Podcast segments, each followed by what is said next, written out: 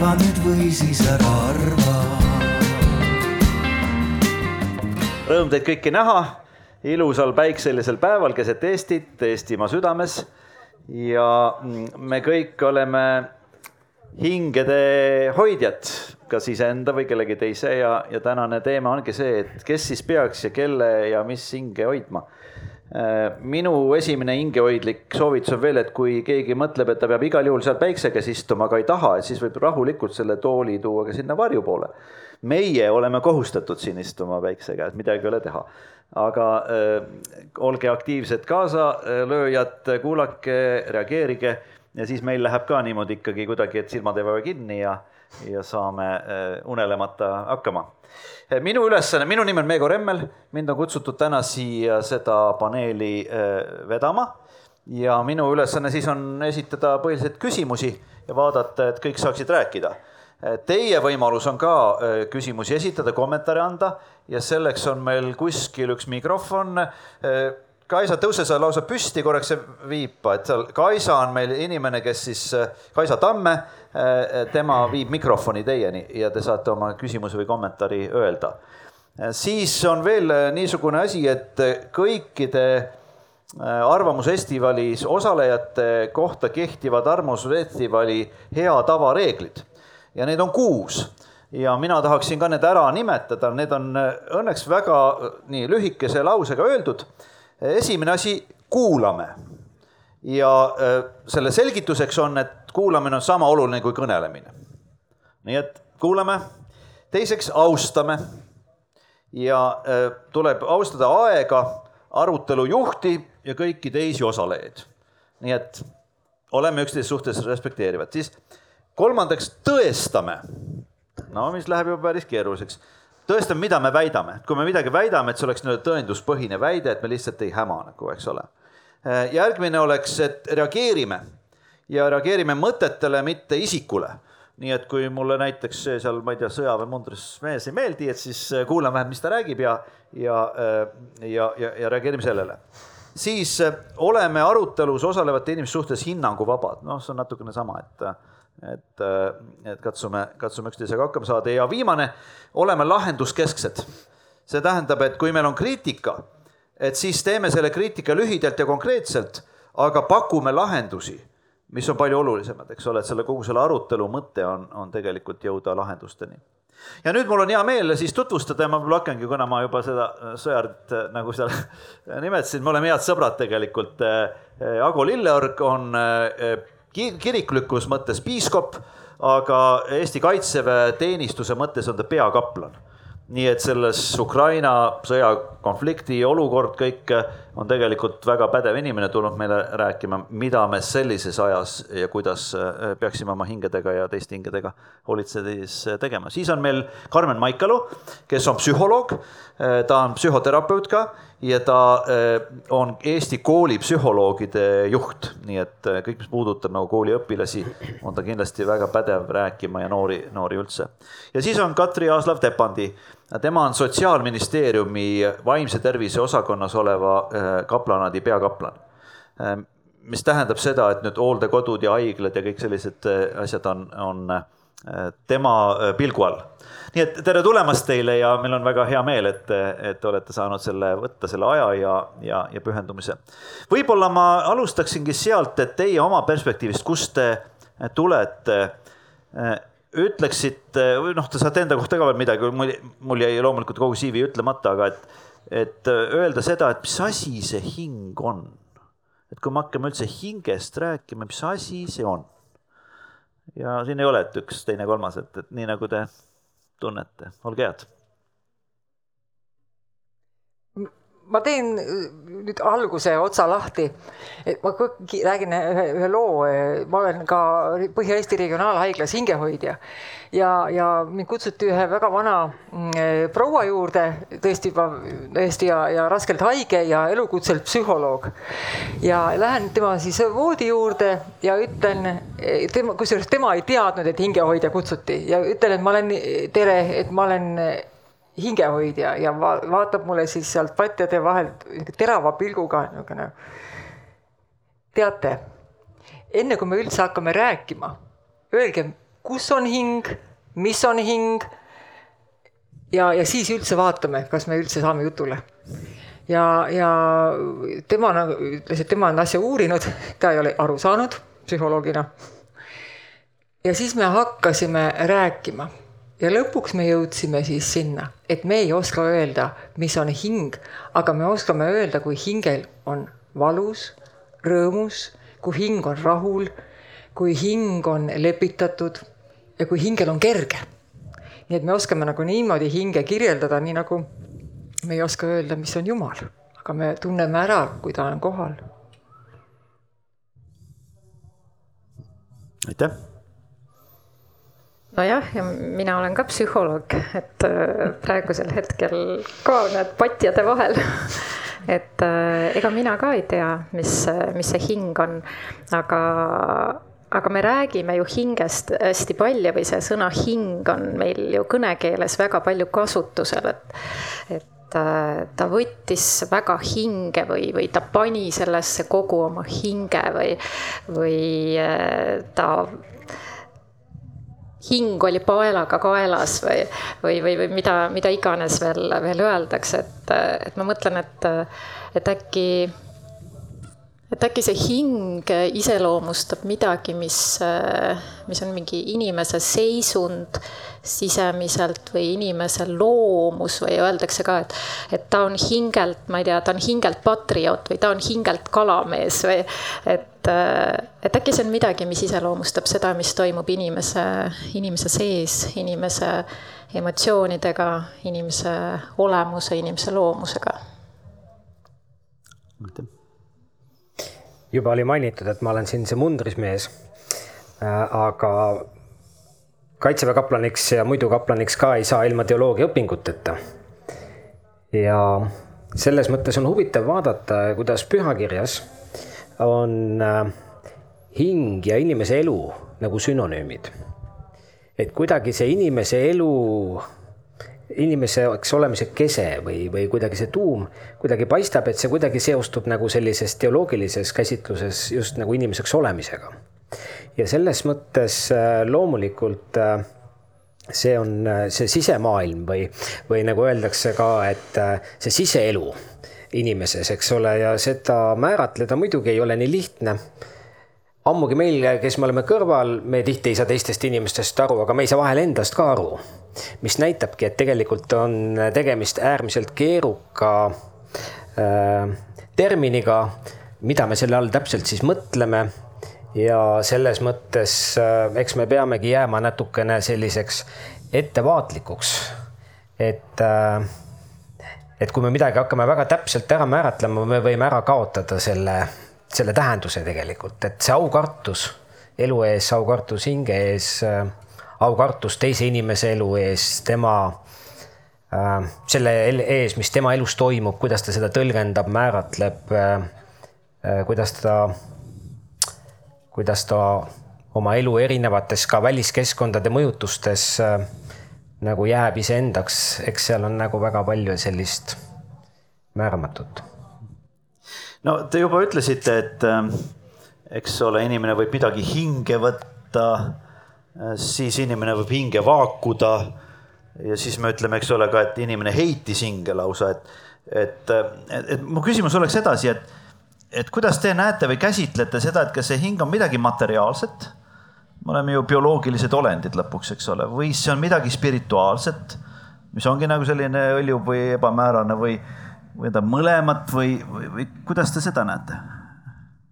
mul tuli jälle kohe assotsiatsioon, paratamatult kõik on, mis ma, mis me, mis me mõtleme, räägime, on seotud meie tegevusega, tööga arstidega oleme palju rääkinud noh haiglas ja, ja, ja, ja, ja eriti need arstid, kes puutuvad kokku suremisega, surijate noh, ütleme suremisraviga ehk hospiitsraviga.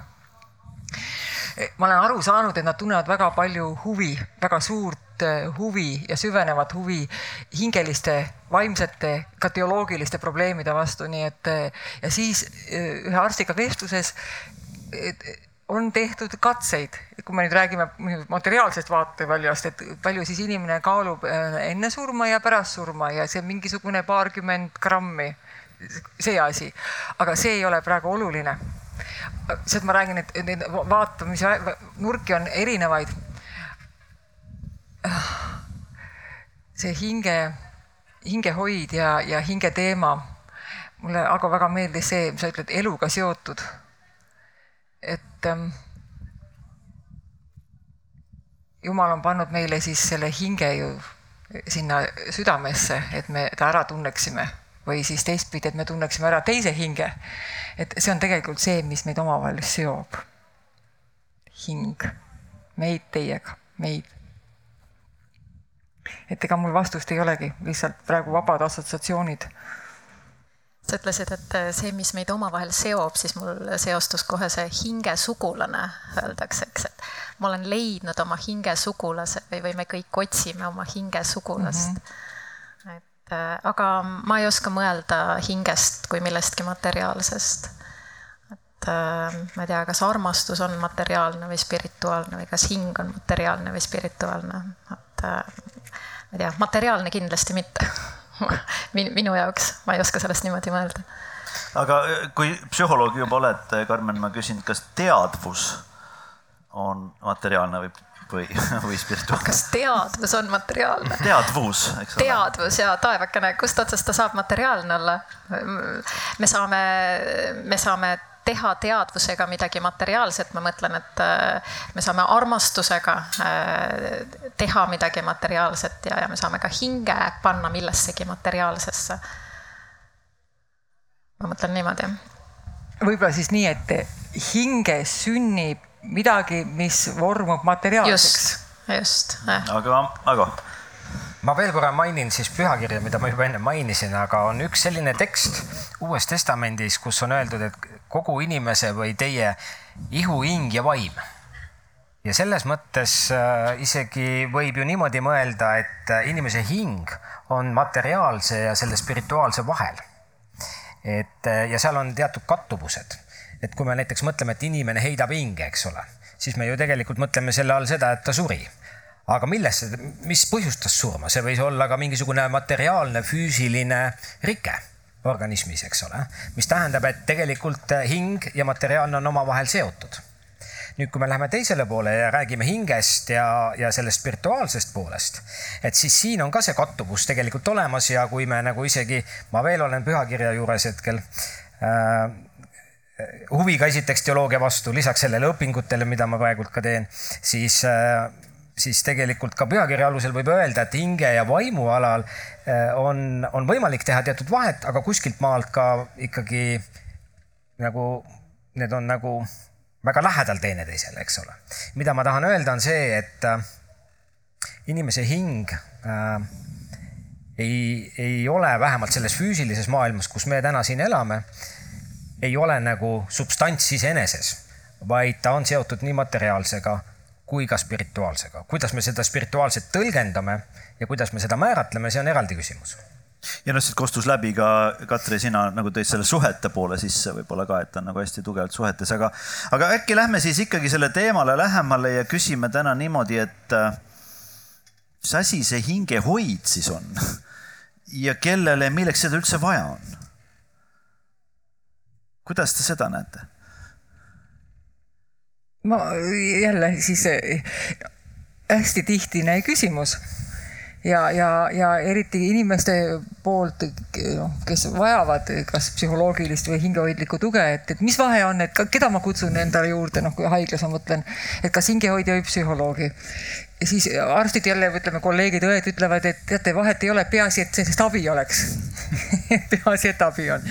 no ütleme niimoodi, meie Eestis on hingehoid kristlikul alusel, see ei tähenda, et ähm, me eeldame, et iga inimene, kelle juurde me hingehoidjatena läheme, et ta on kristlane.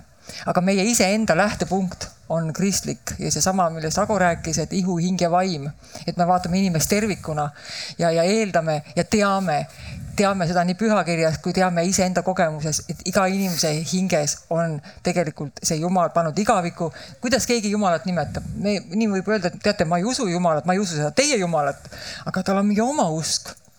ja see, see, et me hingehoius, me lähtume sellest, et inimesel on vajadus, igatsus Jumala usu kõrgema mõtestatuse, tähenduse, elu eksistentsi tähenduse järgi ja, ja selles tuumas, selles nii-öelda see südamikus, kus see, kus, kus, kus see hing on, et see on meil nagu see teraviku tähelepanu, aga me arvestame sellega inimese suhetega, tema sootsiumis asendiga, tema tervisega, tema füüsisega, kõige selle tervikuga, milles noh, inimene elab, et me ei ole ainult ju hinged siin, meil on ju kõigil oma keha, riided, suhted, lähedased, mõtted. Et, et see on vast niimoodi ja siis teine, teinekord, teine mõte teinekord, üks mõte oli veel, jah. Ähm Inglise keeles on sellised huvitavad kaks terminit, üks on pastoral care ja siis on pastoral counseling. Pastoral care väljendab rohkem sellist nagu pastoraalne hoolitsus, tähendab, hingehoid kui niisugune on välja kasvanud kristlikust niisugusest taustsüsteemist äh,. nii nagu Katri ka mainis, tegelikult hingehoid täna on palju laiem termin kui ainult nii-öelda kristlik, et see ulatub nagu palju kaugemale Äh, ja hingehoid, kui no kas me nimetame seda siis teenuseks või, äh, või tööriistaks, on tegelikult mõeldud iga inimese jaoks, sõltumata tema usust. aga, aga selle originaalse taustsüsteemi tõttu siis see pastoral care tähendab selline hoolitsus. pigem isegi see väljendab teatud mõttes sellist kogukonna ehitamist või kogukonna kokkutoomist. et kirglikus sellises Mm, ajaloos äh, just nimelt pastori roll on olla koguja, inimeste koguja. ta loob keskkonna, kus kõigil on hea olla, kõigil on turvaline ja see on nagu sellise pastoraalse äh, rolli nagu üks põhiülesanne. Nüüd see teine üles, teine termin on pastoral counseling, äh, mis pigem viitab sellisele kliendi Äh, initsiatiivile konkreetselt siis või vajadusele mingisuguse nõustamise järele, mis on just, mis tuleb just siis ka sellisest pastoraalsest care'ist, aga on nagu selle alaliik. ja selles mõttes see on just nimelt siis selle inimese, kes ta siis iganes on, on ta koguduse liige või klient või kuidas me nimetame, see on nagu tema initsiatiiv aga pastoral care on pigem niisuguse üldise õhkkonna või kogukonna või niisuguse nagu loomine, eks ole nüüd eesti keeles on meil hästi levinud see termin hingehoid ja viimastel aastatel see kuidagi nagu on, on aina rohkem äh, nagu teadlikumaks saanud meie ühiskonnas laiemalt. et äh,, et hingehoid kui üks selline nagu inimese toetamise viis meil on ju ühiskonnas olemas ka äh, väga erinevad erialaspetsialistid, äh, terapeudid, psühholoogid ja nii edasi, siin Karmen oskab sellest palju paremini rääkida kui mina. aga, aga selles võtmes see taustsüsteem sellele hingehoiule just on see, mis ma ennem siis mainisin, kui see kedagi aitas, siis väga hea, aga Karmen, ole hea, psühholoogi poole pealt. ma ei tea, kui te lubate, ma ütleks hinge, hingehoiu kohta ka nagu selle poole pealt, et, et minu arust äh, hingehoid ei pea olema üldse mingisugune teenus ja hingehoid ei peaks olema üldse äh, kellegi spetsialisti poolt läbi viidud või, et, äh, et siin sa ütlesid ka alguses, et, et me kõik oleme oma hingehoidjad ja üksteise hingehoidjad et noh, et, et kui, et, et üks on, on see, mismoodi ta on meil välja kujunenud, eks, ja et, et meil pakutakse hooldekodudes ja haiglates hingehoiuteenust kui sellist. aga, aga mulle tundub, et, et hästi oluline on mõelda ka niimoodi, et kuidas mina hoian oma hinge ähm, kuidas ma hoian oma kaaslase hinge, kuidas ma hoian teiste inimeste hinge. et see care, et noh, et, et see hoidmine, ma mõtlen, et me rääkisime sellest, mis on hing, et aga, aga mis asi see hoidmine on, et, et see hoidmine on ka kuidagi selline mm,, selline õrn ilus, kaitsev. Äh, ühest küljest on ta ennetav, et ma hoian sind, et sinuga midagi ei juhtuks, ma hoian oma hinge, et, äh, et midagi, midagi ei juhtuks, ma hoian oma last, et midagi ei juhtuks. ja samas, kui on mingisugune mure või kui on mingisugune probleem, kuidas ma siis hoian või et äh, kuidas, äh, kuidas ma oskan hoida ennast ja oma hinge siis, kui mul on raske. kuidas ma oskan toetada või hoida oma kaasinimest, kui ma näen, et tal on raske. et, et võib-olla see hingehoid võiks olla ka ka selles mõttes meile igaühele hästi-hästi isiklik ja igapäevane teema see on väga huvitav selles mõttes, et see seostub juba, eks ole, empaatsuse või empaatilisusega mm. laiemas mõttes, et kuidas me üldse tunnetame üksteist ja eh, olin täna just oma lastelastega koos ja noh, suurem kogemata läheb väiksemale vastu, eks ole. ta saab haiget, ma saangi aru, kõrvalt ma saan aru. aga siis, kui ma nagu pööran sellele tähelepanu ja võtan ta sülle ja, ja siis ta saab aru, et ei, tema hing on nagu hoitud, vaata, et see füüsiline valu ei ole üleüldse nii tähtis Äh, kuidas see oli või tuli, eks ole, aga et aga keegi hoolis, keegi märkas mind. aga äkki me lähmegi siit edasi nüüd ja küsime need, äh, mille järgi te otsustate, et keegi vajab nüüd seda hingehoidu ikkagi, seda teenust või seda noh, no ütleme siis ka professionaalsemat lähenemist, et, äh, et keegi, keegi nüüd vajab seda ikkagi. võib-olla ma ise ka, eks ole, et, et ma ise mhm. või keegi teine, kuidas, kuidas te otsustate seda? Haiglas on lihtne, selles mõttes see hingehoiu hea kolleeg Jüri Raudsepp, kes on nüüd igavikus. kui ma läksin tööle regionaalhaiglasse, ütles, teate, noor kolleeg, siin haiglas vajavad kõik patsiendid hingehoidu ja ka mõned töötajad.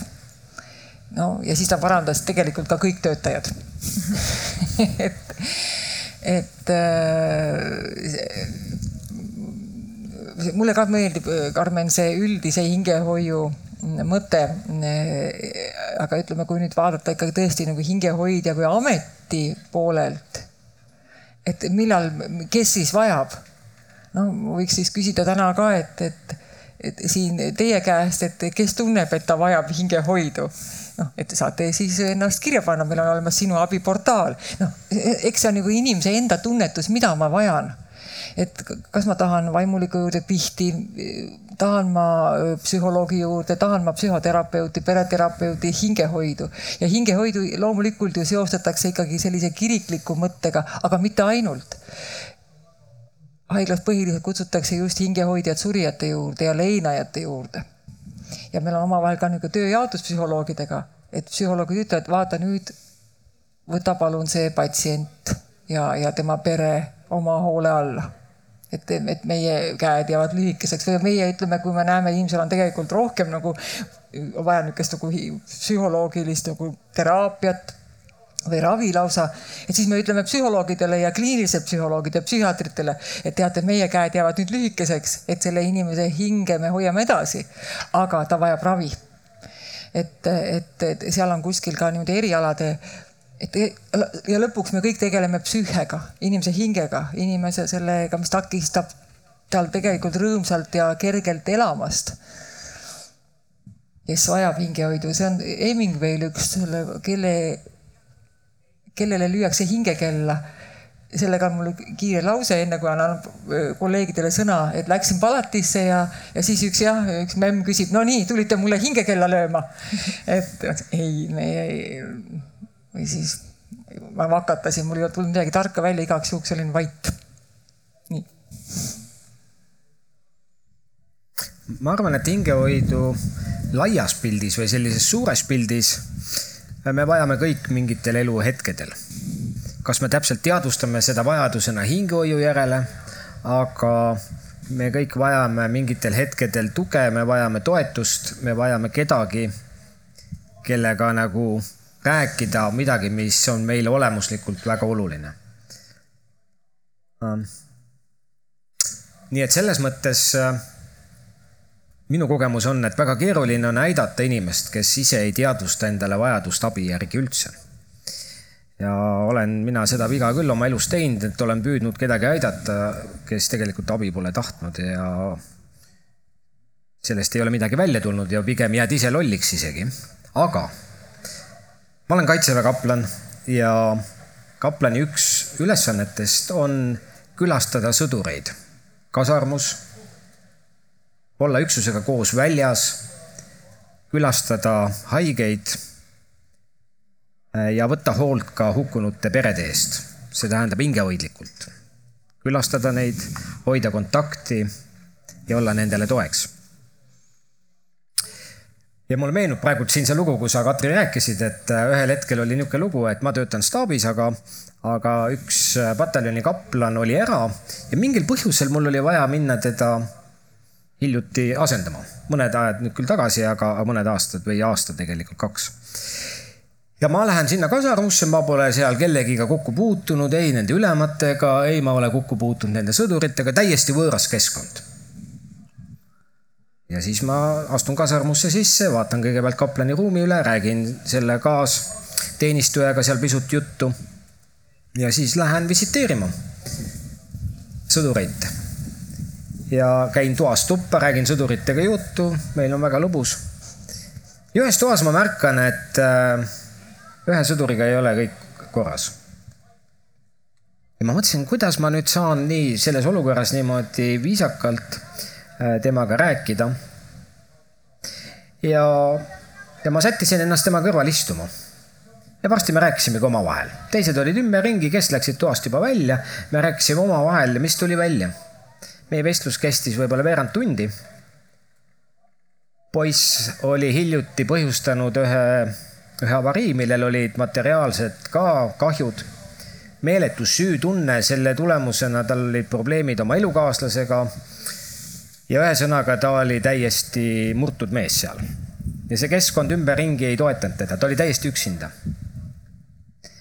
ja ma nägin, kuidas selle lühikese vestluse käigus kuidagi see lootus uuesti tõusis tema südames ja me isegi nagu leidsime niimoodi juba mõned esimesed sammud, mida ta võiks teha, et siit nagu edasi minna. et äh, tema ei näidanud initsiatiivi ja vaevalt ta oleks tulnud oma raskusega kellegi spetsialisti juurde, mis tähendab seda, et äh, on hetki, kus tegelikult tuleb minna inimeste juurde ja, ja küsidagi, et kuidas sul on, kuidas sul läheb? kuidas sul päriselt läheb? kuidas sul päriselt ja. läheb? jah, just, et seda, et äh, kuidas läheb, tänan küsimast hästi, et see on selline nii igapäevane ja seda on hästi palju. et äh, aga kui palju meil on äh, selliseid hetki äh, või selliseid vestlusi, kus me läheme sügavamale ja, ja kus me küsime, et, et kuidas sul päriselt läheb ja, ja selle jaoks me peame aega võtma selle teise inimese jaoks ja siin jällegi, et siin ei ole vaja spetsialisti. et, äh, et, et on meil kõigil, me oleme, nagu me rääkisime siin, et me oleme üksteise hinge hoidjad, et kui palju me märkame seda, et teisel inimesel äkki on raske, et ta istub sul seal üksinda ja, ja, ja kuidagi, kuidagi sa saad aru, et temaga ei ole kõik korras. et äh, mulle on mõnikord jäänud mulje, et äh, ma ei tea parandage mind, kui ma eksin või kui ma ülekohtune olen, et, et äh, meil Eesti inimestel tihtipeale on väga raske minna teise inimese juurde ja küsida temalt midagi isiklikku, et kuule, ma vaatan, et, et sa oled viimasel ajal nii tõsise olemisega, et, et tahad sa sellest rääkida või, või, või kuidas sul päriselt läheb. et see tundub kuidagi teise inimese isiklikus elus sorkimine või, või et seda justkui ei sobi küsida või, et ära topi oma nina teiste inimeste ellu, on meil ütlemine mm. -hmm. et ma julgustaksin väga et, äh, et mine, mine ja topi oma nina teise inimese ellu ja kui, kui see ei ole talle okei okay,, siis ta ütleb, et ma ei taha sellest rääkida ja see on okei okay.. et, äh, et ma olen mitmeid kordi, äh, mu kabinetis on istunud inimesi, kes ütlevad, täiskasvanud inimesed, kes ütlevad, et, et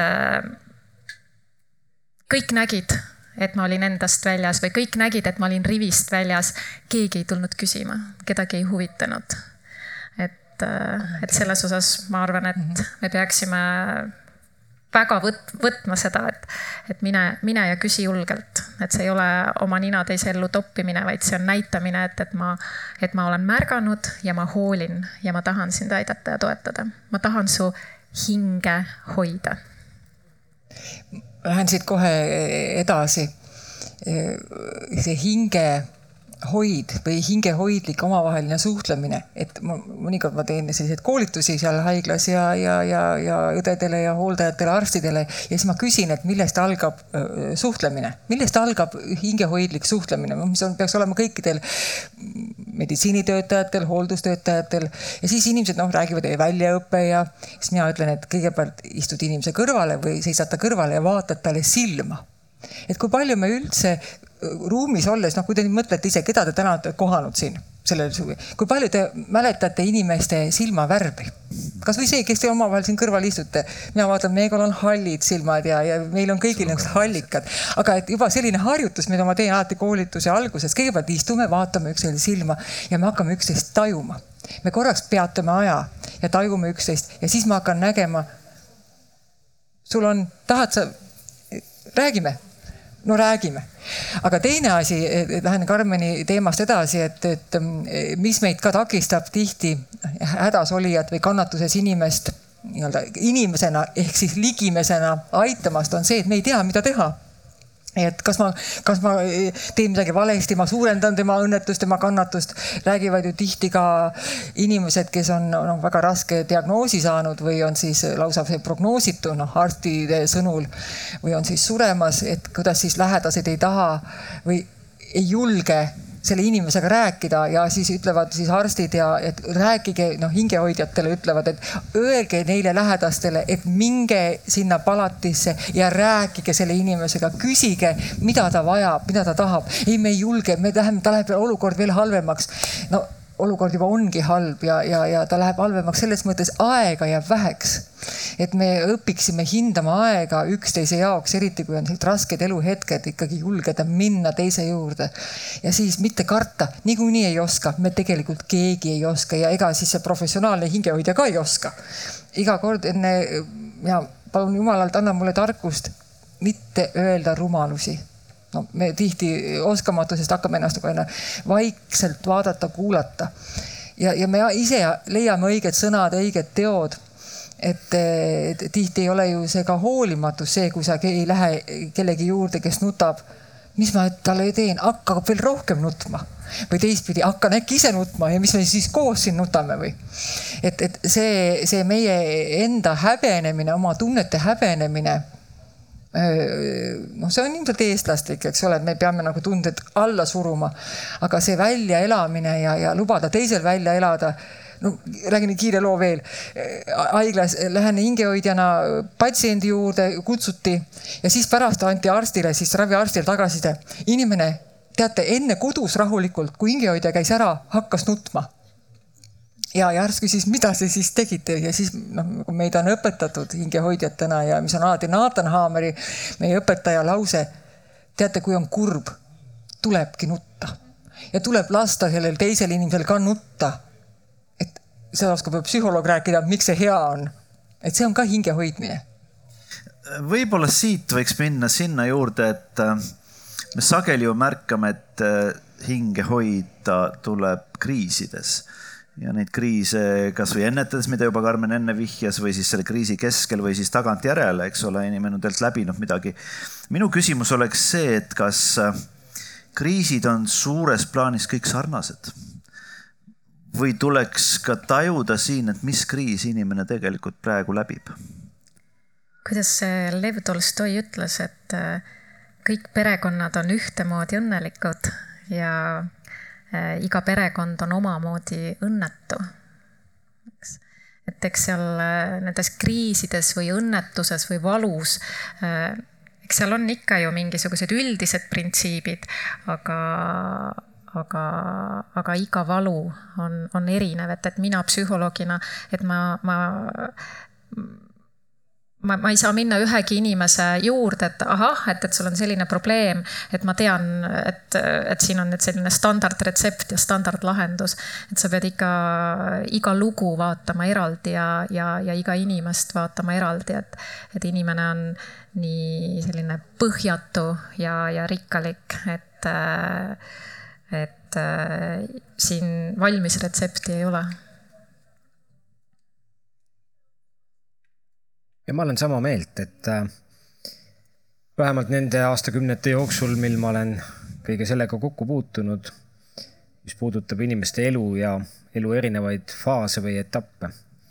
aga üks aspekt, mis ma olen ka veel mõelnud, mis just hingehoiu puhul on unikaalne, on, et äh, kriisi puhul, vaata, me räägime nagu teatud kas rehabilitatsioonist või mingi probleemi lahendamistest või lahenduskäikude otsimisest ja nende leidmisest aga hingehoiu puhul on üks asi veel ja see on ka see ennetav pool või preventiivne pool et äh, vahel me nagu mõtlemegi või jäämegi nagu mõtlema ainult, et äh, noh, aga mul ei ole ju mingit probleemi täna või asi ei ole nii hull, eriti meil eestlastele meeldib ju nii mõelda oh,, veel ei ole nii hull, kui hullemaks läheb.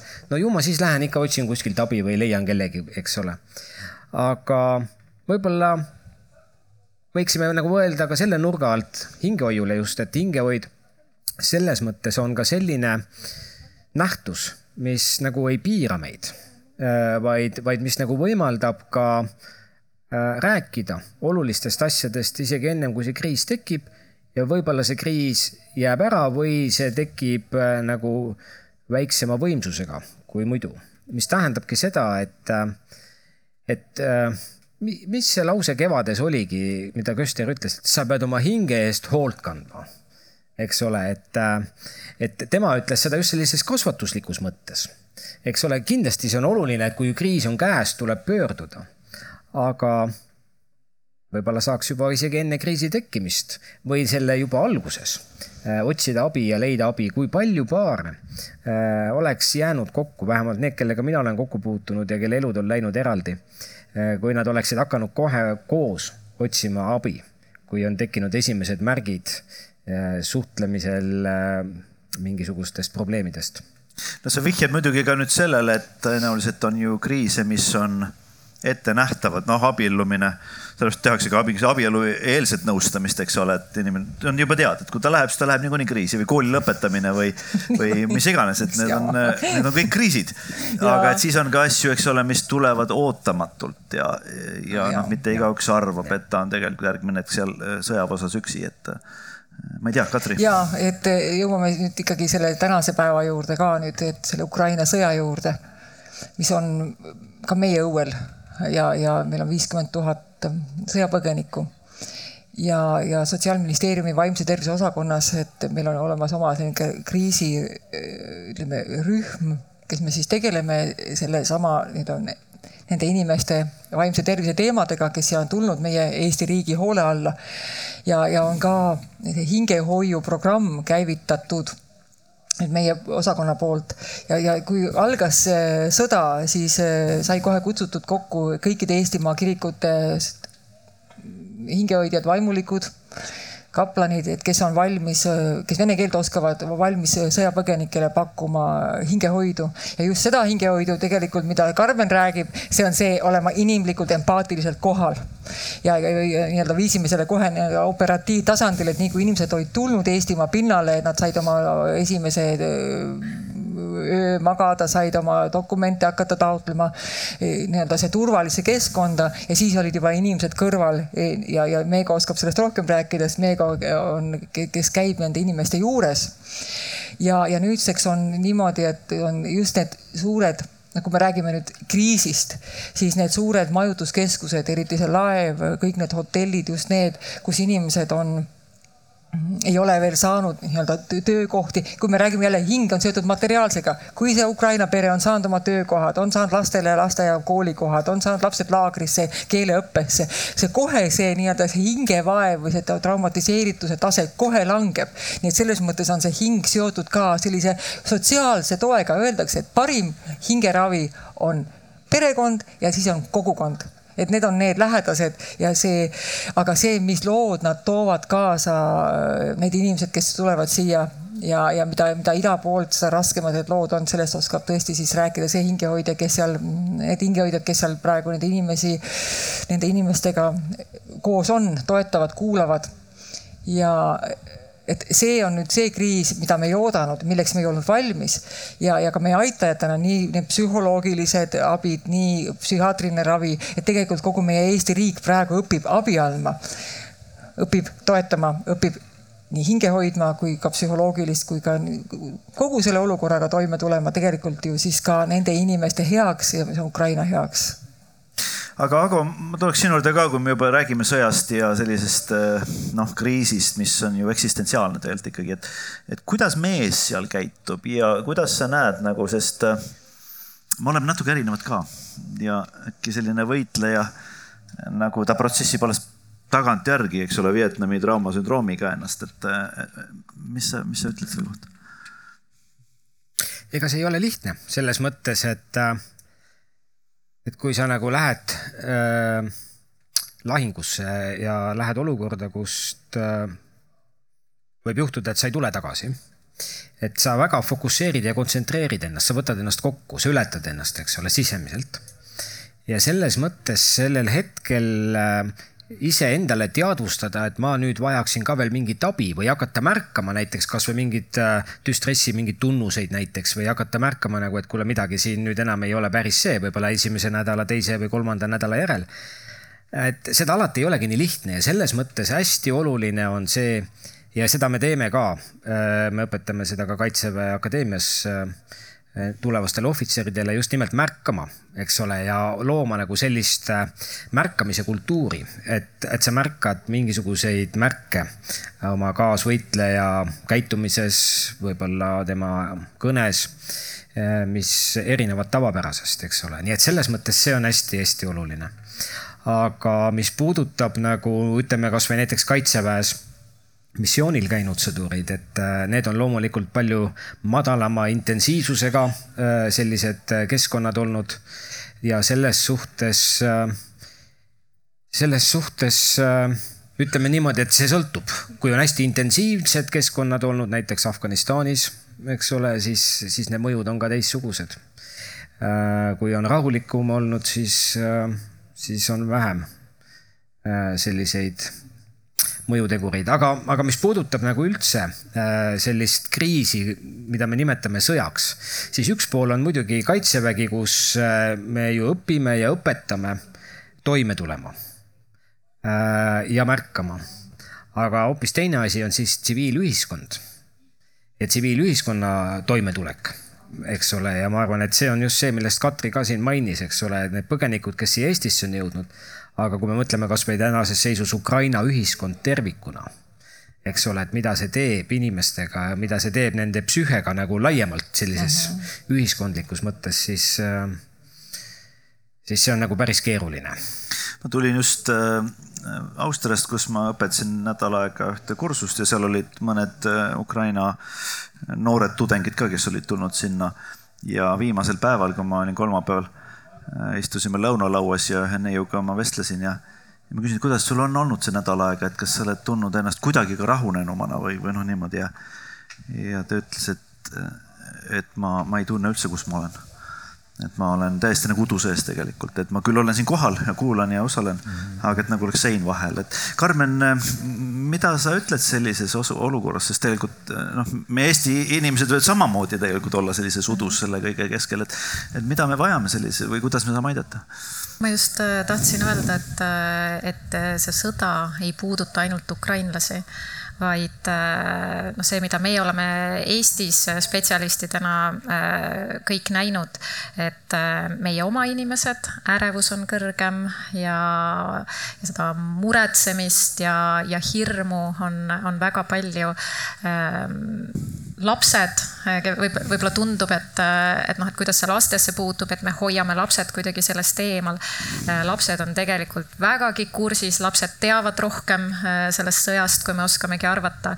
väga mitmed vanemad on öelnud, et, et nad on üllatusega kuidagi kogemata kohta saanud teada, et, et laps näiteks lasteaias äh, mängib seda sõda või, või laps näiteks koolis. Äh, noh, ma ise töötan ka osalise koormusega koolis koolipsühholoogina ja siis, kui sõda, sõda algas, siis, äh, siis mida lapsed koolis tegid, algklasside lapsed vahetunnis, nad arutavad omavahel, et, et kui sõda siia jõuab, et kuhu teie lähete, et, et meie läheme tädi juurde Rootsi ja, ja teine laps ütleb, et aga meie läheme vana vanaema juurde maale, et, et tal on kelder, et me, me peidame ennast sinna. ja, ja, ja lapsed äh, omavahel, omavahel räägivad seda ja vanemad olid väga üllatunud, sest kodus nad tihtipeale ei räägi et, äh, et, et ma pereterapeudina äh, lapsevanemate ka tihtipeale räägin sellest, et kui palju sa üldse oled kursis sellest, sellega, millest su laps mõtleb. Ähm, mille pärast su laps hirmu tunneb, millest ta unistab, mida ta kardab, mis temaga toimub, et väga tihti me ei tea seda. aga kuidas aidata sellele kaasa, et me teadlu-, teadvustaksime seda või kuidagi räägiksime neid asju, noh, kasvõi õhtul äh, laua ümber istudes või, või kuidas see? jah, no suhe suhe on kõige aluseks. et, et eks see on ka meie, meie ütleme, iga lapsevanema endasse vaatamise koht, et ja, ja selline mõtisklemise koht, et mis suhe mul on oma lapsega ja, ja see võib olla keeruline küsimus sageli, sageli just teismeliste vanematele. Nad ütlevad, et ma ei tea, hea suhe on, et aga ma ei tea temast mitte midagi. Mm.. et ta hommikul läheb kodust, kodust välja ja õhtul, kui ta tuleb, siis ta läheb ja sulgub oma tuppa ja, ja istub seal arvutis, et ma ei tea tegelikult, mis elu ta elab. Et ja siis, et hakata seda, seda vaikselt, seda, seda suhet kuidagimoodi taastama või noh, meil kõikidel on väikeste lastega olnud ju reeglina selline, selline hea suhe ja siis ühel hetkel nad kaovad sul kuhugi ära see laps kaob sul käest ära. et sa elad temaga ühes kodus ja tegelikult äh, sa ei tunne teda. et, äh, et, et see on, see on keeruline koht, äh, aga mitte ainult laste ja lastevanemate puhul, vaid üleüldse perekondades et kui palju me üldse räägime omavahel sellistest sügavamatest teemadest, väga sageli äh, pereliikmete omavahelised vestlused on sellised infovahetused, et äh, kes toob lapse lasteaiast ära ja mida poest on vaja tuua ja mis kell homme on vaja kuskil olla. et kui palju me räägime mhm. sellistest sügavamatest südameteemadest, et, et, äh, et, et see on ka oluline asi, mille, mille peale mõelda. ja, ja väga palju äh, psühholoogidena ja ma arvan, et teie hingehoidjatena ka äh, näete seda, kui üksildasena inimesed ennast tunnevad. et ja ma ei räägi nendest inimestest, kes elavad üksinda, vaid äh, see kõige valusam võib olla see üksildustunne oma pere keskel eks. ma tean, Katri, sa tahad midagi kommenteerida, ma, ma küsin siia, et te saate teised mõelda, et miks on see nii?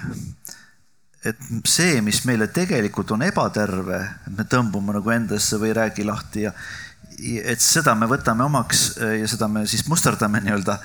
Ja see, mis tegelikult oleks nagu terve teha, seda me ei tea, aga Katri, sul oli kommentaar enne.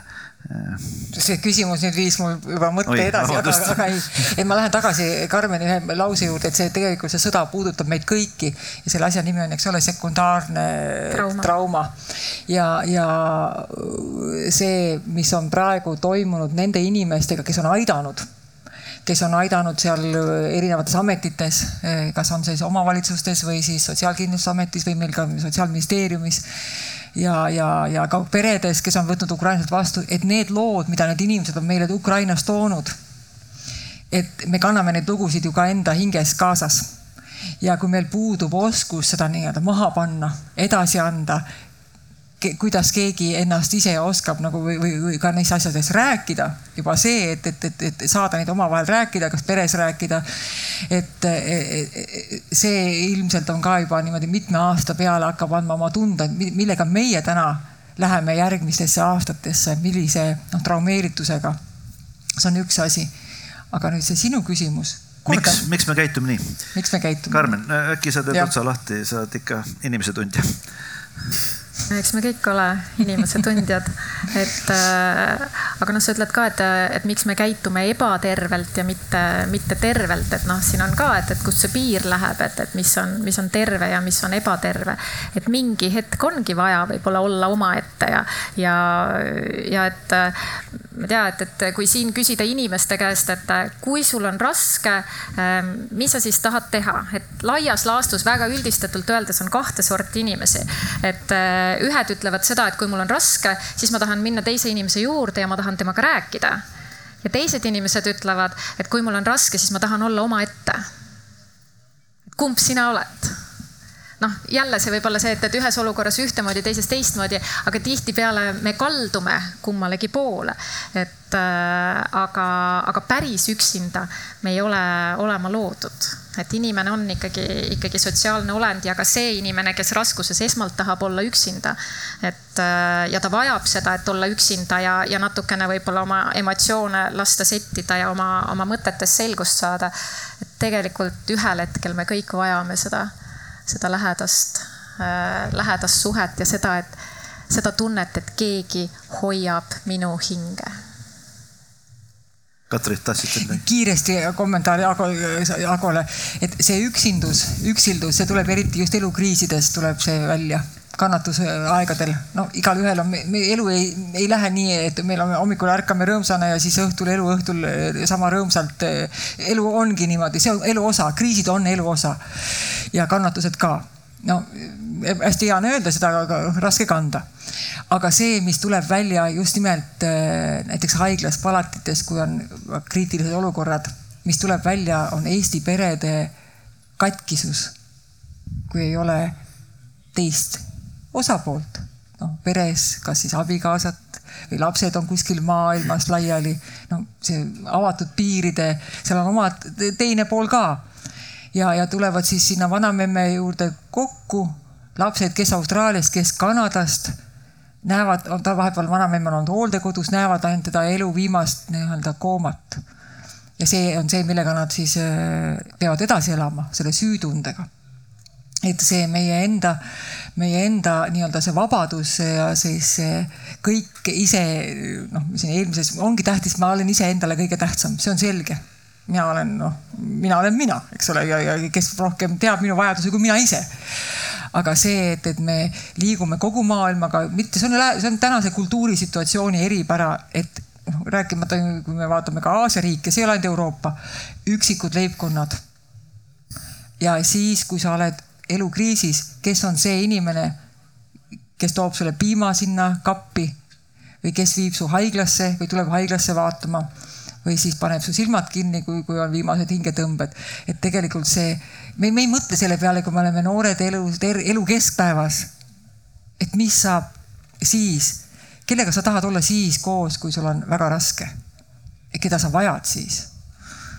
Ago ma, ma tooks kaks aspekti, üks selline väline, teine sisemine, et, et üks põhjus, miks me nagu kriisis ei ei otsi ehk abi ka, on see, et äh, me ühiskond tervikuna on ju edule orienteeritud. eks ole, ja selles võtmes me, me nagu kuidagi oleme ennast ka niimoodi häälestanud, et me peame olema edukad igal juhul. Äh, ma näen seda eriti kaitseväes ka meeste hulgas, et äh, pigem ikkagi ollakse nagu valmis tegema endast kõik, et vähemalt välja paista edukana ja hakkamasaajana, eks ole. nõrkus ei ole ju meeste jaoks või noh, see ütlus ammugi, et mehed ei nuta. see ikkagi elab oma elu nagu meie sellistes teadvuse allhoovustes ikka edasi ja mõjutab meid, tahame me seda või ei taha, isegi kui me püüame nagu tänapäeva nooremale põlvkonnale öelda ka, et, et täitsa okei okay on, et kui sa oled selline, nagu sa oled, eks ole, ja teed just täpselt nii palju, nagu sa jõuad. aga see on üks põhjus, et see ühiskondlik surve, eks ole. teine põhjus on see, et et meil on nagu selline sisemine, meil on nagu selline sisemine probleem ja see on nimelt see, et me ei taha nagu häbisse jääda teiste ees, me ei taha nõrgad olla. ma mäletan niisugust juhtumit oma ajateenistusest. Eesti Kaitseväes üheksakümmend, aasta oli siis üheksakümmend neli, üheksakümmend viis. Ja meil oli kompaniis üks poiss, kes oli no kõigist pikem, selline koll, sõna otseses mõttes suur mees, röökis kõva häälega, rääkis, kui tema röögatas üle kasarmu, siis kõik mehed värisesid ja siis tundus vist, et seinad ka värisesid. Äh, et selles mõttes kõik nagu tundsid hirmu tema ees. ja mitmel korral see poiss tuleb pärast öörahu minu voodi peale, nutab krokodillipisaraid ja räägib oma elu valusatest kohtadest ja punktidest ja meil oli mitmeid väga sügavaid vestlusi. ma ei olnud sellel hetkel veel kaplan, ma olin küll vaimulik oma kirikus olnud juba mõned aastad, aga mm, selles mõttes äh, meil olid mitmed-mitmed vestlused äh, ja, ja aga varjatult, eks ole, mitte teiste ees. teiste eest oli kõva mees. aga ta otsis kedagi, keda usaldada, kellega saaks rääkida ja ta leidis minust selle inimese ja ma ei tea tänadest küll midagi, aga, aga selline huvitav mälestus on minu jaoks ma... kõnetanud. vaatasin kella ka, et tahaks anda teile võimalust nüüd ka kas küsida või kommenteerida, mul on paar küsimust, mida ma veel küsiks ja siis olge valmis, Kaisa. Kuskil tuleb mikrofoniga ka ette. Äh, üks küsimus on koroonakriisi kohta. mida see on meil õpetanud hingehoiust? Ma võib-olla ütleks kõigepealt, mida see on meile õpetanud vaimsest tervisest üleüldse. et äh, me ei ole mitte kunagi Eestis nii palju rääkinud vaimsest tervisest kui praegu. ja, ja vot need uksed läksid lahti selle koroonakriisiga. et, äh, et, et see on äh, ühest küljest väga hea, sellepärast et, et kui teadlikkus tõuseb, siis, siis on see, et inimesed oskavad rohkem märgata kui, äh, kui on murekoht ja inimesed oskavad ka rohkem hoida ennast, et meil praegu üle Eesti toimivad äh, vaimse tervise esmaabikoolitused, kuhu on, kuhu on võimalik minna, mis on, mis on väga-väga populaarsed, et äh, räägitakse sellest, kuidas, kuidas ise kriisides toime tulla. et äh, väga palju räägitakse säilenõtkusest, äh, et, et mis ma siis teen, kui, kui on raske, kuidas ma sealt edasi, edasi liigun. et äh, selles osas on see hästi positiivne, et, et see on see, mis on koroonakriisi siis nii-öelda äh, hea asi, mis, mis on sealt kaasa tulnud, et mille osas ma olen natukene ettevaatlik, et, et me kuidagi ei kahes osas, et üks on see, et, et me ei arvaks, et koroonakriisi tõttu on meil vaimse tervise probleemid, sellepärast et vaimse tervise probleemid olid väga tõsised juba enne koroonakriisi. siin juba kaks tuhat seitseteist, kaheksateist üle-eestiline näiteks õpilaste uuring, mis tehti, kolmandik äh, õpilastest on ennast vigastanud kolmandik õpilastest äh, on tund-, äh, tundnud selliseid äh, depressiooni tundemärke. kolmandik on mõelnud enesetapule ja see oli juba ammu enne koroonakriisi, et praegusel hetkel me lihtsalt räägime sellest. et ja, ja teine asi, mille osas ma olen ettevaatlik, et me kuidagi ei dramatiseeriks seda üle et ühest küljest on hästi oluline, et me sellest räägiks ja teisest küljest, et me, et ei jääks kuidagi kõlama seda, et, et asjad ongi lõpuni väga halvasti, ma ei tea, et kõik noored on depressiivsed või, või, või, või midagi sellist, et, et noh, siin peab olema see tasakaal. aitäh üks õppetund on kindlasti see, et me saime aru, kui palju me vajame üksteist nii-öelda ruumis silmast silma puudutada, nii nagu üks kolleeg ütles, et me ei jää mitte haiget ainult koroonast, vaid me jääme haigeks sellepärast, et me ei saa üksteist kallistada. et see meie vaimne tervis on, et me vajame üksteist otseselt. et, et need Zoomi koosolekud, mida me töökohtadel teeme ja, ja mis on nii mugavad ja, ja need kodukontorid, mis on tegelikult ka mugavad, on muidugi väikelastega on see ja isegi mitte ainult väike, isegi puberteedikutega räägin oma, oma, oma kogemusest, et sa oled seal koosolekul, kus sa pead otsuseid, juhid koosolekuid ja siis tuleb seal distantsõppel ja, ja nõuab väga lihtsat asja, et tal on vaja alla laadida oma matemaatikaülesanded noh, ja siis ongi väike kriis käes, eks ole. et, et aga see, et me üksteist vajame ja, ja, ja need noh, nimetame siis tehnilised vidinad ei asenda see päris suhtlus, see päris üksteise kõrval olemist, koos hingamist, hingest hinge, kuulamist, vaatamist silmast silma. praegu vaatan mõnda inimest, näen, et kui tore, et me nüüd elusalt ka näeme üksteist, et muidu siiamaani ei, ei, ei tunne ära, sa näed ainult nagu ühemõõtmelist pilti, aga inimesel on ju nii erinevaid rakursse aga et see on minu jaoks noh, iga noh, minu jaoks on see suurim õppetund, et. aitäh, Ago mulle väga meeldis, mis äh, Karmen ja Katri juba ütlesid, et selles mõttes väga raske oleks täiendada, aga mul tegelikult üks mõte on. ja, ja see on see, et äh, minu hinnangul ka hästi oluline, eriti sellistes kriisides, kus meid nagu triivitakse üksteisest eemale. lihtsalt äh, pandeemia olukord oli selline aga kui oluline on, et on selliseid inimesi, kes nagu korjavad jälle ülesse. ma enne mainisin, mainisin siin ka sellist pastoraalset karjaselikku funktsiooni, et äh, me nimetame neid ka võib-olla rahvainimesteks, inimesed, kellega koos sul on hea olla, kes ühendab erinevaid inimesi. Ja, ja, ja toob nad nagu jälle keskpõrandale kokku, et äh, minu silmis nagu need inimesed on väga suurt lugupidamist väärt, kes selle koroonakriisi aeg seda tööd tegid. Ja mingit kogukonda hoidsid koos, kas virtuaalselt, kuidas oli võimalik, siis ka kontaktina, aga, aga nüüd eriti ka praegult, kui on nagu kõik see leevenenud hetkel hoiaks Jumal meid tagasi minemas sinna, kus me olime.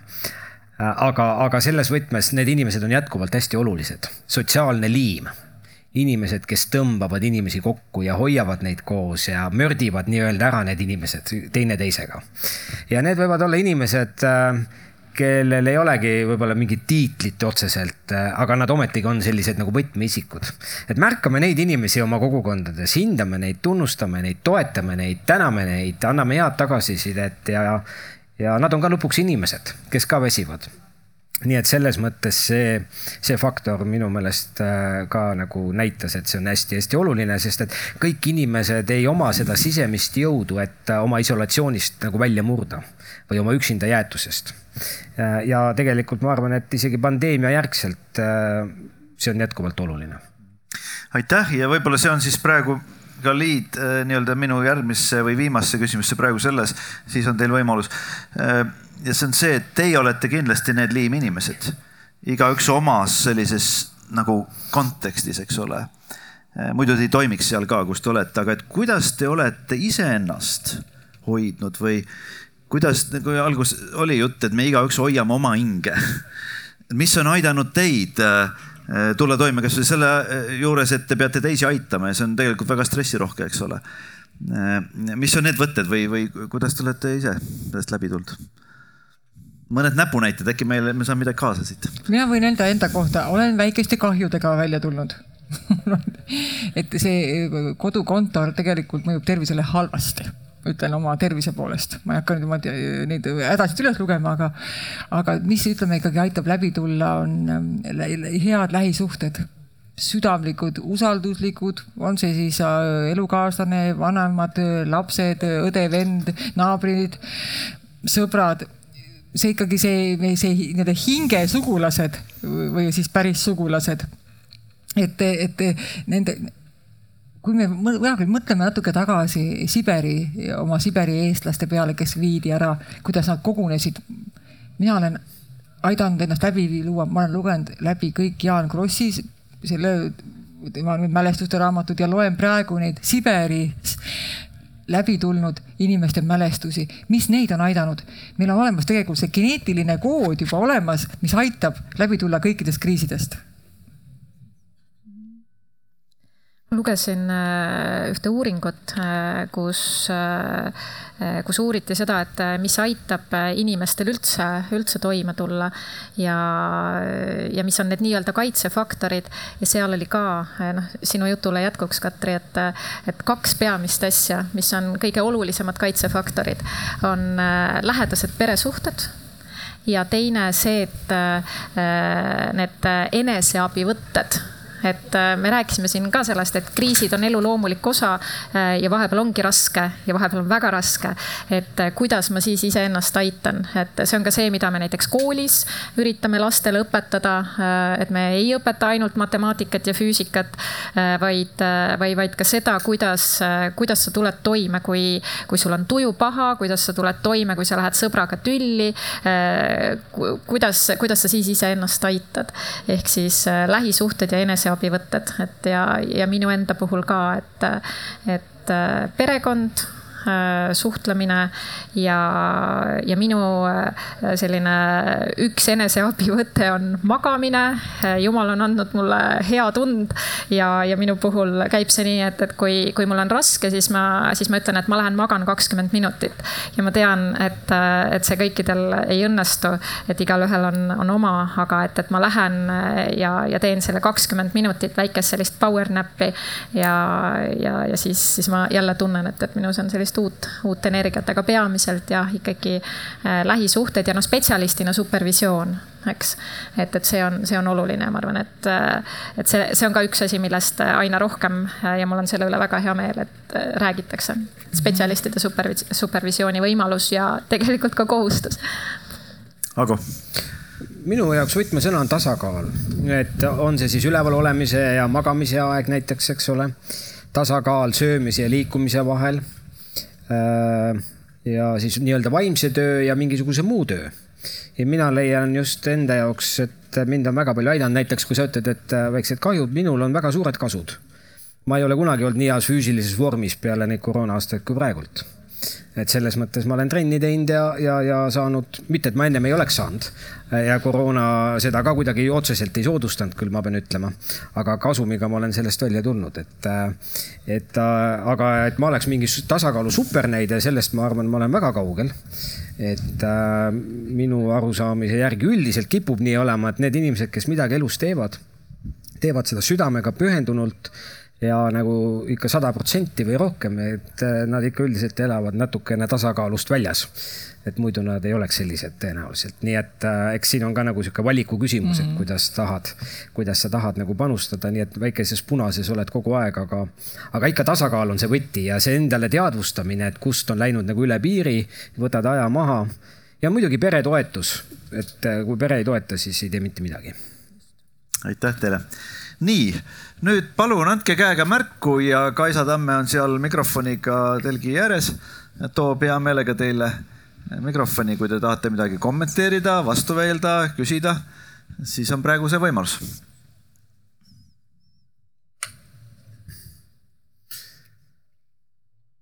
olge julged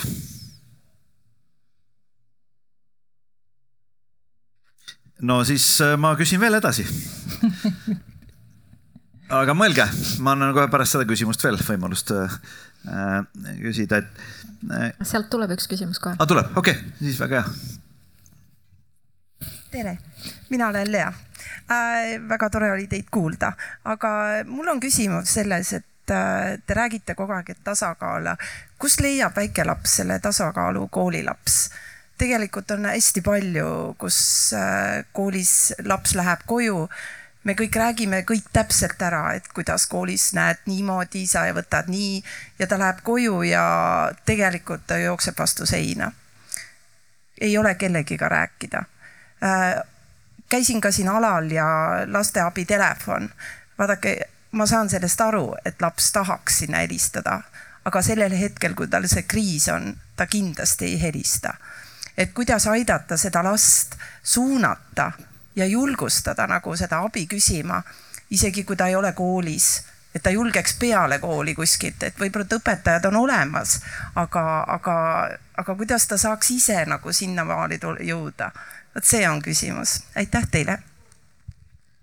see on nii äh, valus äh, ja keeruline teema eks. et äh, mida, mida me näeme nii koolipsühholoogidena kui pereterapeutidena, et äh, kui lapsel ei ole seda kodust tuge, et äh, ütleme, seaduse kohaselt meil peaks olema igas koolis koolipsühholoog reaalsus on see, et, et hetkel pisut üle poole on neid koole, kus see koolipsühholoog on olemas. et ja, ja siis ka tihtipeale tuuakse see laps ja lükatakse siis koolipsühholoogi uksest sisse, öeldakse, et tee korda eks, või, või, või, või, või aita teda. et, et mina, mina koolipsühholoogina ja pereterapeudina, et ma töötan alati selle nimel, et aidata tegelikult mitte korda teha seda last, vaid kuidagimoodi aidata nii-öelda tasakaalustada sedasama last ümbritsevat keskkonda. ja väga sageli on see hoopis vanemate aitamine ja nende vanemate jõustamine, nende vanemate toetamine, et ta suudaks olla toeks oma, oma lapsele. ehk siis äh, ei saagi rääkida rääkida ainult sellest, et, et see, et see laps korda teha, laps, iga laps tegelikult igatseb oma vanemat ja igatseb oma, oma vanemaga sellist head, head suhet. ja, ja kõik, kes me spetsialistidena lastega tegeleme, me tegelikult teame seda, et, et väga, väga paljudel kordadel, kui lapsel on mure, on tegelikult vaja toetada hoopis vanemat, et mitte mina ei ole sellele lapsele see, see toetaja ja asendusema, vaid, vaid, vaid me, me töötame selle nimel, et, et aidata sellel päris emal ja isal olla see ema ja isa, keda see laps, laps vajab. aga, aga jah, tihtipeale see olukord ei ole selline, et väga palju koolides praegu räägitakse sellest samast lasteabitelefonist, meil on olemas koolipsühholoogide nõuandeliin, mis, mis iga, igapäevaselt vastab, aga lapsed ei helista, nad chat ivad ehk siis on olemas ka chat imise võimalus. et nad tihtipeale kirjutavad, et see on, see on üks, üks asi, mis laste, laste puhul toimib.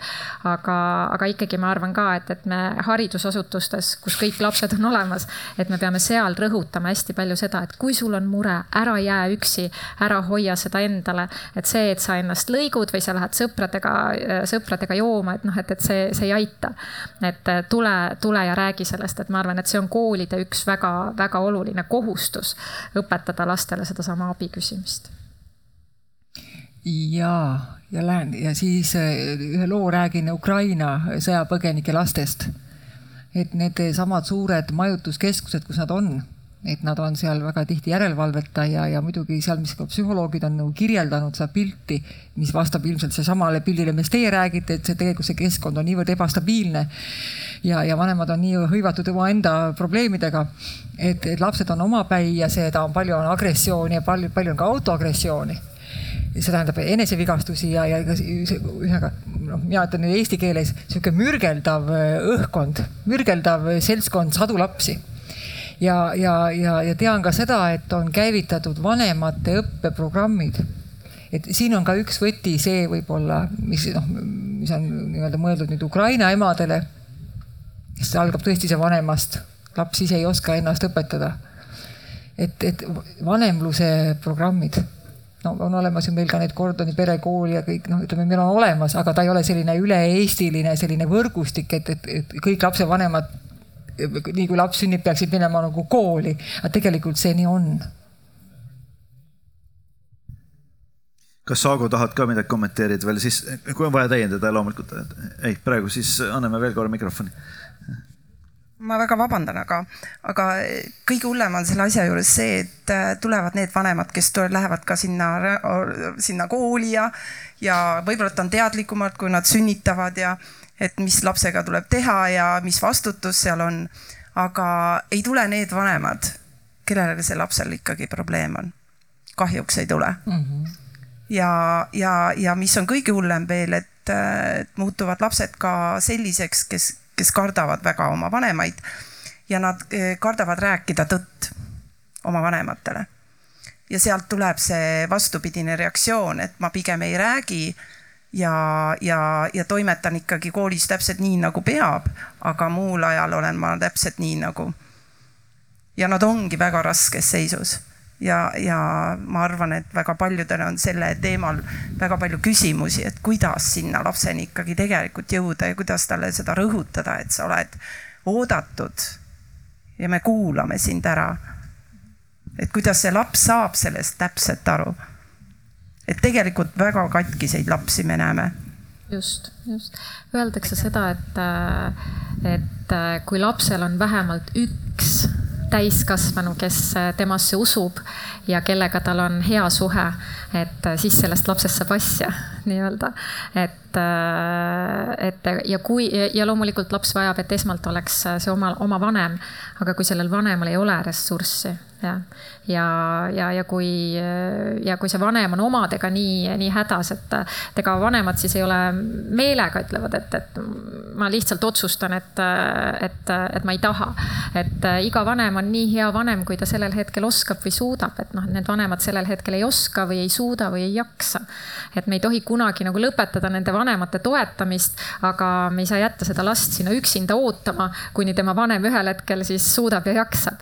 et et, et koolides võiks olla need inimesed, kogukondades võiksid olla need inimesed, kes siis äh, nii-öelda on sellele lapsele selleks tugiisikuks. meil on see vanem-õde, vanem-vend programm olemas. Äh, meil on kogukondades äh, erinevaid, erinevaid viise, noortekeskused kirikud, mis, mis, mis iganes, et me peame vaatama, et need lapsed ei jääks päris üksi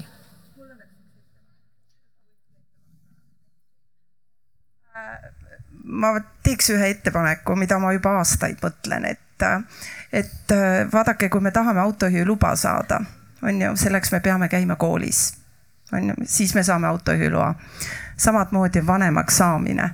minu meelest tuleks juba varakult alustada vanemaks olemise õpetust. mis on selle vastutus? et ei ole nii, et ma sünnitan ära ja, ja nüüd vaadaku, kuidas riik ja kool ja, ja kõik muud asjad hakkama saavad ise. et et äh, ma teeks ettepaneku, et koolides tuleks kohustuslik, no mitte kohustuslikkus, aga ikkagi kõikides ainetes antakse ikkagi mingisugust infot sellest, et, et see tulemus, mis sul tulevik ootab, et see oleks meeldiv mina olen perekonnaõpetuse õpetaja ka koolis. Ja, ja, ja, ja perekonnaõpetust on koolis ainult üks kursus. täpselt. Ja seda, sellepärast ma räägingi, et, et see, see on nii väike osa, et, et mina teeks ettepaneku üldse riigi haridusministeeriumile, et äh, rõhuasetus, et need kallid vanemad, tulevased vanemad oleksid õnnelikumad ja need lapsed oleksid õnnelikumad. sada protsenti nõus et Karmen, äkki sa saad sealt psühholoogi, koolipsühholoogide liidu poolt kuidagi nagu seda edasi? Äh, me, me juba tegeleme sellega, et äh, me oleme uuendanud perekonnaõpetuse äh, materjale, me oleme teinud lisamaterjale, et, et õpetajad saaksid seda pereteemat ka. mõned materjalid, mis on perekonnaõpetuses välja töötatud, on sellised, mille rõhuasetus on ainult seadusandlusel ja, ja inimeste õigustel. et aga, aga seda, kuidas suhetega toime tulla tulla, kuidas kriiside korral perekonnas äh, hakkama saada, et vot seda on vaja. et äh, kui mina lõpetan oma kursuse ja väga paljud kolleegid, perekonnaõpetuse õpetajad ütlevad sedasama, et siis see üks kursus lõpeb ja õpilased tulevad, mitte ainult tüdrukud, vaid, äh, vaid ka poisid tulevad, küsivad, et miks seda kursust ainult üks on. et siin me räägime sellest, mis on päris elu. et, et miks seda ei ole rohkem, et seda peaks olema koolis rohkem tõepoolest. aga Karmen, võib-olla veel, et vaata noh, lõpetab inimene kooli ära ja võib-olla õppis halvasti seal sellel tunni, selles, selles tunnis aines just, eks ole, ja aga siis ta loob ikkagi paari suhte ja siis ta mõtleb, aga kuidas nüüd selles suhtes toime tulla, et kas meil siin on ka midagi pakkuda ja me räägime väga palju vanemlusprogrammidest, needsamad Gordoni perekool ja Imelised aastad. et äh, siin on hästi oluline rääkida ka sellest, kuidas oma paarisuhet hoida, et näiteks PREP paarisuhte koolitus on meil olemas äh,. et ja inimesed tulevad sinna ja jällegi nad ütlevad, miks ma praegu kuulen sellistest asjadest esimest korda. et, et miks me ei õpeta sellist asja koolides, et kuidas oma paarisuhet hoida ja kuidas mitte esimese tüli korral äh, lahku minna ja, ja, ja, ja, ja mida erinevates olukordades teha nii et äh, need võimalused on meil olemas, kahjuks meil on väga paljud äh, sellised kursused ja koolitused ja ka nõustamine äh, on tasuline, et noh, et, et see peaks olema see, kus me vaatame ka riigi poole ja kohaliku omavalitsuse poole, et kuidas tagada oma peredele need võimalused, et, et see ei jääks raha taha. Suur tänu, väga head küsimused ja väga hea ettepanek. kes veel tahaks, kas kommenteerida, ettepanekut teha või küsida midagi, siis Kaisa toob jälle küsimus. seal on Äh, järgmine on siis sealpool äh, päikese käes istunud, jah. minul ei olegi otseselt küsimust. ma tahan siiralt tänada selle vestluse eest, sest ma sain siin kinnitust, et ma olen asjadest õigesti aru saanud ja julgen edasi tegutseda. aitäh. suur tänu, see on väga-väga tore tagasiside.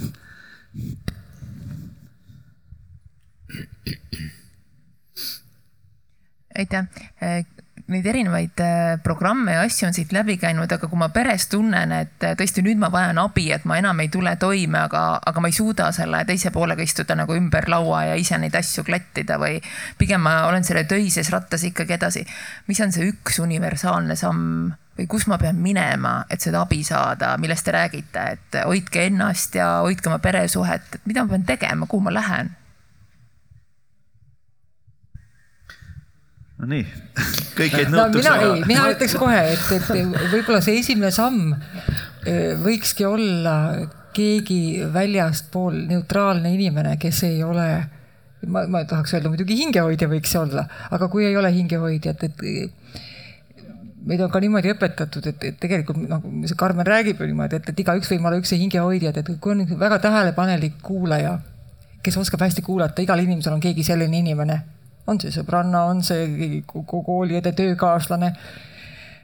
et, et kõigepealt ise sellest probleemist aru saada, mis, mis, mis minus toimub, et alustaks iseendast no enne kui, kui vaataks seda suhet, et mis, mis, mis, mis toimub, mis minuga toimub, mis mind katki teeb ja, ja, ja siis võib-olla mõtleks ka niipidi, me vajame rääkimist, me ei mõtle üksi välja, see on see, ütlesid Karmen, eks ole, et osa inimesi vajab nagu üksi mõtlemist ja siis ikka tahab kellegagi rääkida, mis ta välja mõtles. rääkides, no öeldes, et kus ma enne tean, mis ma mõtlen, kui ma ei ole öelnud. no tõesti, see on nii. rääkimine see on, see on, ma tahaks öelda, jumal räägib meis, kui me hakkame suu lahti tegema, sest et siis me kuuleme tegelikult seda, mida me mõtleme, mida me vajame ja kui leiate ühe inimese, kes oskab kuulata, suudab kuulata ja kohe ei hakka nõu andma, et tee seda, tee seda, tee seda.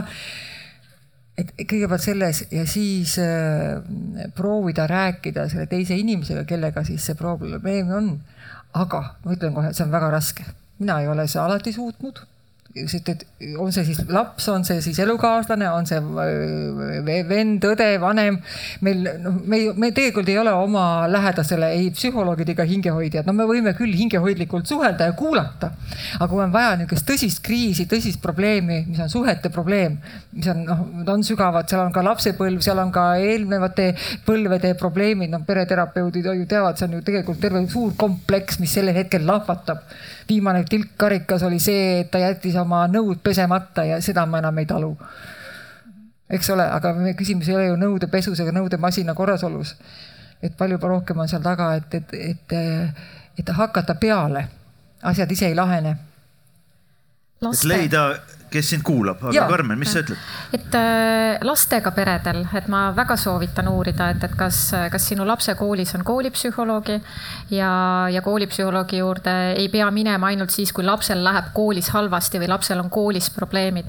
et kõik, mis toimub lapse elus, mõjutab seda, kuidas ta koolis äh, toime tuleb ja, äh, ja, ja selles osas küsida nõu näiteks koolipsühholoogi käest, kui su koolis ei ole psühholoogi, siis lühinumber üks, kaks, kaks, kuus on see, mis meil igal tööpäeval vastab õhtuti kella neljast kella kaheksani.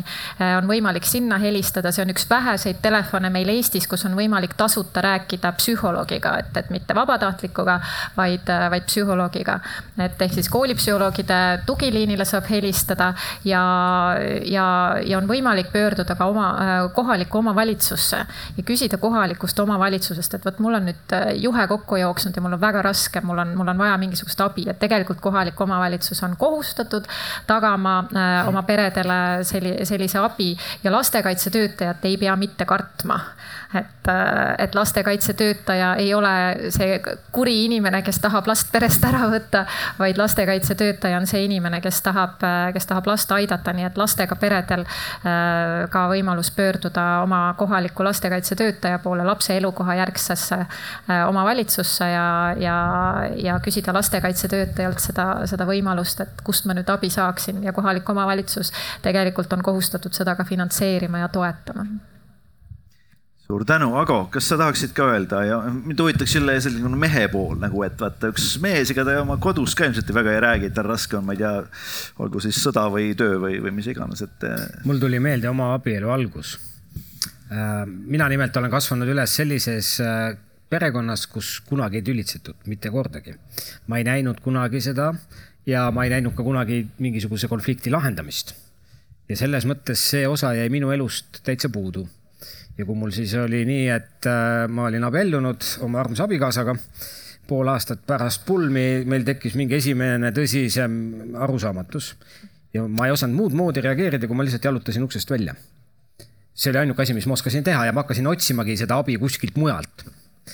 ja siis ma jalutasin natuke aega, pool tundi Tallinna kesklinnas ja lõpuks jõudsin tõdemuseni, et ega paremat lahendust ei ole, ma lähen koju tagasi ja lahendan selle asja ära eks ole, ja, ja läksingi tagasi ja tegelikult ma õppisin sealt andeks palumise ja andeks andmise ja andeks vastuvõtmise või andestuse vastuvõtmise kunsti. et selles mõttes äh, ma arvan, et esimene küsimus, mida tuleb enda käest küsida, et kas ma nüüd peangi kuhugi minema, eks ole, et väljapoolt seda keskkonda, kus mul siis see probleem on, abi leida.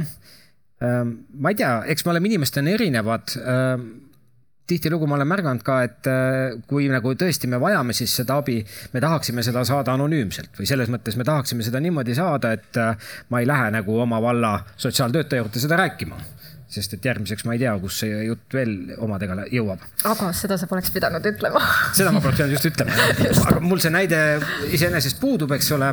Äh, aga, aga idee nagu selles, et me tahame kuhugi minna, kus me teame, et see jutt nagu jääb sinna ja et see kuskilt ei hakka ringlema või mingit oma elu elama, eks ole. ja selles mõttes äh, neid võimalusi kindlasti on väljapool. teiselt poolt äh, minu kogemus ütleb, et ikkagi esmalt me peame kuidagi leidma endas seda jõudu, et nagu ise teha omalt poolt parim, et seda olukorda seal lahendada, kus me juba oleme ja kui me siis ka toime ei tule, siis loomulikult juba võib-olla mitmekesi minna seda abi otsima, mitte ainult üksinda.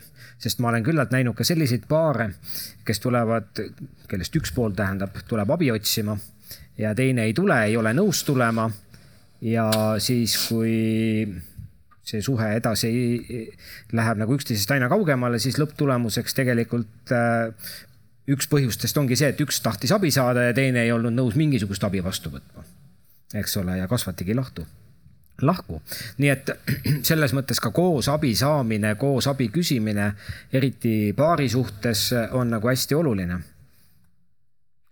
kas see abi küsimine on ka, mulle tundub, läinud aina kuidagi nii-öelda normaalsemaks et kui mina alustasin tööd psühholoogina aastal kaks tuhat, siis inimesed äh, ei julgenud mulle tänava peal või kuskil koridoris vastu tulles tere öelda, sellepärast et äkki keegi näeb, et ma tunnen psühholoogi. äkki ta siis arvab, et ma olen psühholoogi juures käinud, äkki ta siis arvab, et ma olen hull.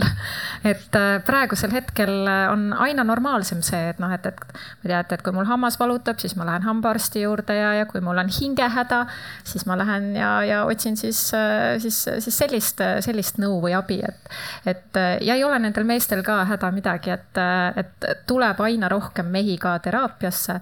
et, et, et et selle tunnistamine, et, et ma tahaksin kellegagi arutada, mees ei lähe ju abi küsima, on ju, mees läheb arutama.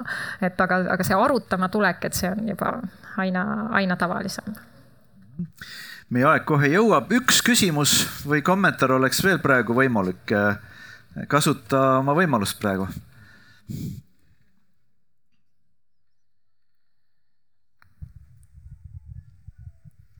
aitäh, äh, tere.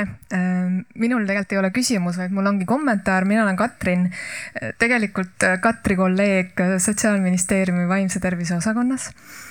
ja, tulenevalt sellest tänasest teemast, et kelle hing vajab hoidmist, mina tuleks tagasi selle alguse juurde, et meie kõigi hing vajab hoidmist ja kuigi on hästi oluline ja see ongi ju meie töö ministeeriumis, neid väliseid abivõimalusi laiendada ja, ja süsteemselt äh, kogu seda põhja luua, siis me ei saa ära unustada meie enda äh, kuidas öelda, seda eneseabivõimekust, et mulle hästi meeldis ähm, mundris mehe ütlus, et küsimus on tasakaalus. Ja ma arvan, et me peame seda hästi meeles pidama, et sellel ajal, kui meil on vaja osata küsida abi õigel hetkel ja noh, nii-öelda väljapoole pöörduda, siis me tegelikult ei tohiks ka äh, Äh, ära unustada meie enda sisemisi ressursse, ehk et see on see eneseabi pool.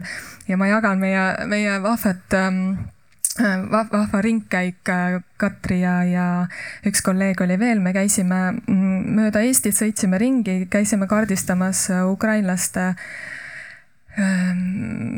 Katri, sa võid nüüd natuke täpsustada, ütleme, et kuidas nad äh, tänaseks äh, hetkeks toime tulevad. Ja tegelikult äh, kuigi, kuigi see teema tundub nagu hästi selline, et kriis on suur ja, ja raske ja teda, sedasi ühelt poolt ongi, siis teiselt poolt oli tegelikult, me nägime palju toredat, et, et, et need inimesed, nendel inimestel on endal ka sees see võimekus, tahe, suutlikkus hakkama saada ja, ja, ja Katriga vahepeal, kui me maantee peal olime, meil tekkisid vahvad vestlused ja üks tundus mulle täna siin lõpus nüüd väärt jagamist olevat. et kuigi eestlased ei ole ju traditsiooniliselt just kristlik rahvas, et me pigem ikkagi oleme nagu maausku ja paganad, et, et, et siis tegelikult täna me et, et see, mida meil nagu ühiskonnana vaja on, on see, et me tegelikult sõna otseses mõttes tuletame endale meelde kümmet käsku et see on see, mis maandab ja tuletab meile endale meelde meie isiklikku jõudu. et see oli see kommentaar, mida ma tahtsin siia juurde veel ja lõppu anda. ja aitäh teile selle arutelu eest, arutelu eest, super põnev suur-suur tänu, see oli ka väga hea kokkuvõte, nii et äh, veel kord aitäh, Katri Aaslav-Tepandi, Karmen Maikalu ja Ago Lilleorg, teeme neile ühe aplausi. selge see, et ega kõike teha